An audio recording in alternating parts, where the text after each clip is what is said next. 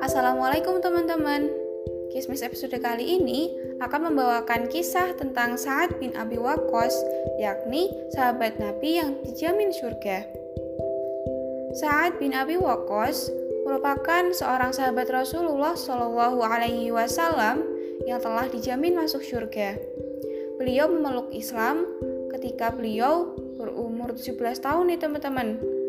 Nah, suatu hari di dalam hidupnya, saat didatangi oleh Abu Bakar As-Siddiq yang dikenal sebagai orang yang ramah. Lantas Abu Bakar mengajak Sa'ad untuk menemui Nabi Muhammad SAW di sebuah perbukitan di dekat Makkah. Dan ternyata pertemuan itu sangat mengesankan bagi Sa'ad. Ada kisah menarik nih teman-teman, yakni kisah Sa'ad dan anak panah pertama. Jadi, Sa'ad bin Abi Waqqas ini merupakan orang muslim yang pertama kali loh melepas anak panah dalam jihad Islam.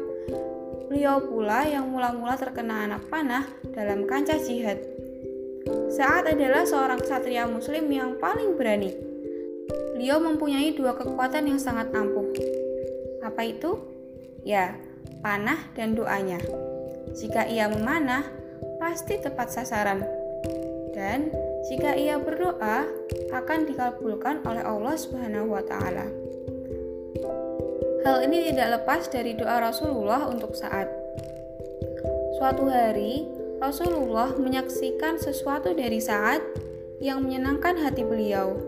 Maka Rasulullah Shallallahu Alaihi Wasallam pun bermunajat, Ya Allah, tepatkanlah bidikan panahnya saat dan kabulkanlah doanya. Selain itu, saat ini adalah orang yang sangat memuliakan orang tua loh teman-teman. Saat bisa kita jadikan teladan istiqomah dalam iman dan hidayah.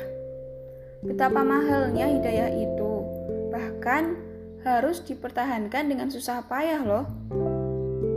Terkisahlah Ibunda Saat yang saat itu melakukan mogok makan berhari-hari demi menentang keislaman anaknya.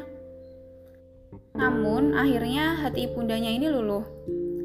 Dan tidak lama berselang, turunlah ayat Al-Quran terkait dengan kisah saat ini, yakni pada surat Luqman ayat ke-15, yang artinya, Dan seandainya kedua orang tuamu memaksamu untuk mempersekutukan aku, padahal itu tidak sesuai dengan pendapatmu, maka janganlah kamu mengikuti keduanya.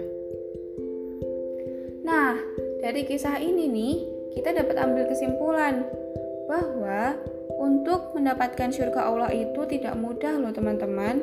Ada amalan-amalan andalan yang harus kita lakukan. Kita bisa memulai dengan amalan yang biasa kita lakukan, seperti sholat tepat waktu. Karena seperti yang kita tahu ya, bahwa sholat ini adalah amalan utama dan amalan yang akan dihisap pertama kalinya. Sehingga ada yang mengatakan begini nih, sholat aja masih berantakan, wajar aja kalau hidupmu masih berantakan. Hmm, Allah adalah alamat yang tidak pernah salah bagi segala macam jenis doa, termasuk doa yang isinya keluhan atau ratapan.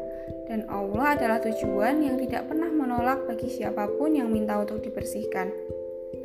Dan selalu berdoalah kepada Allah.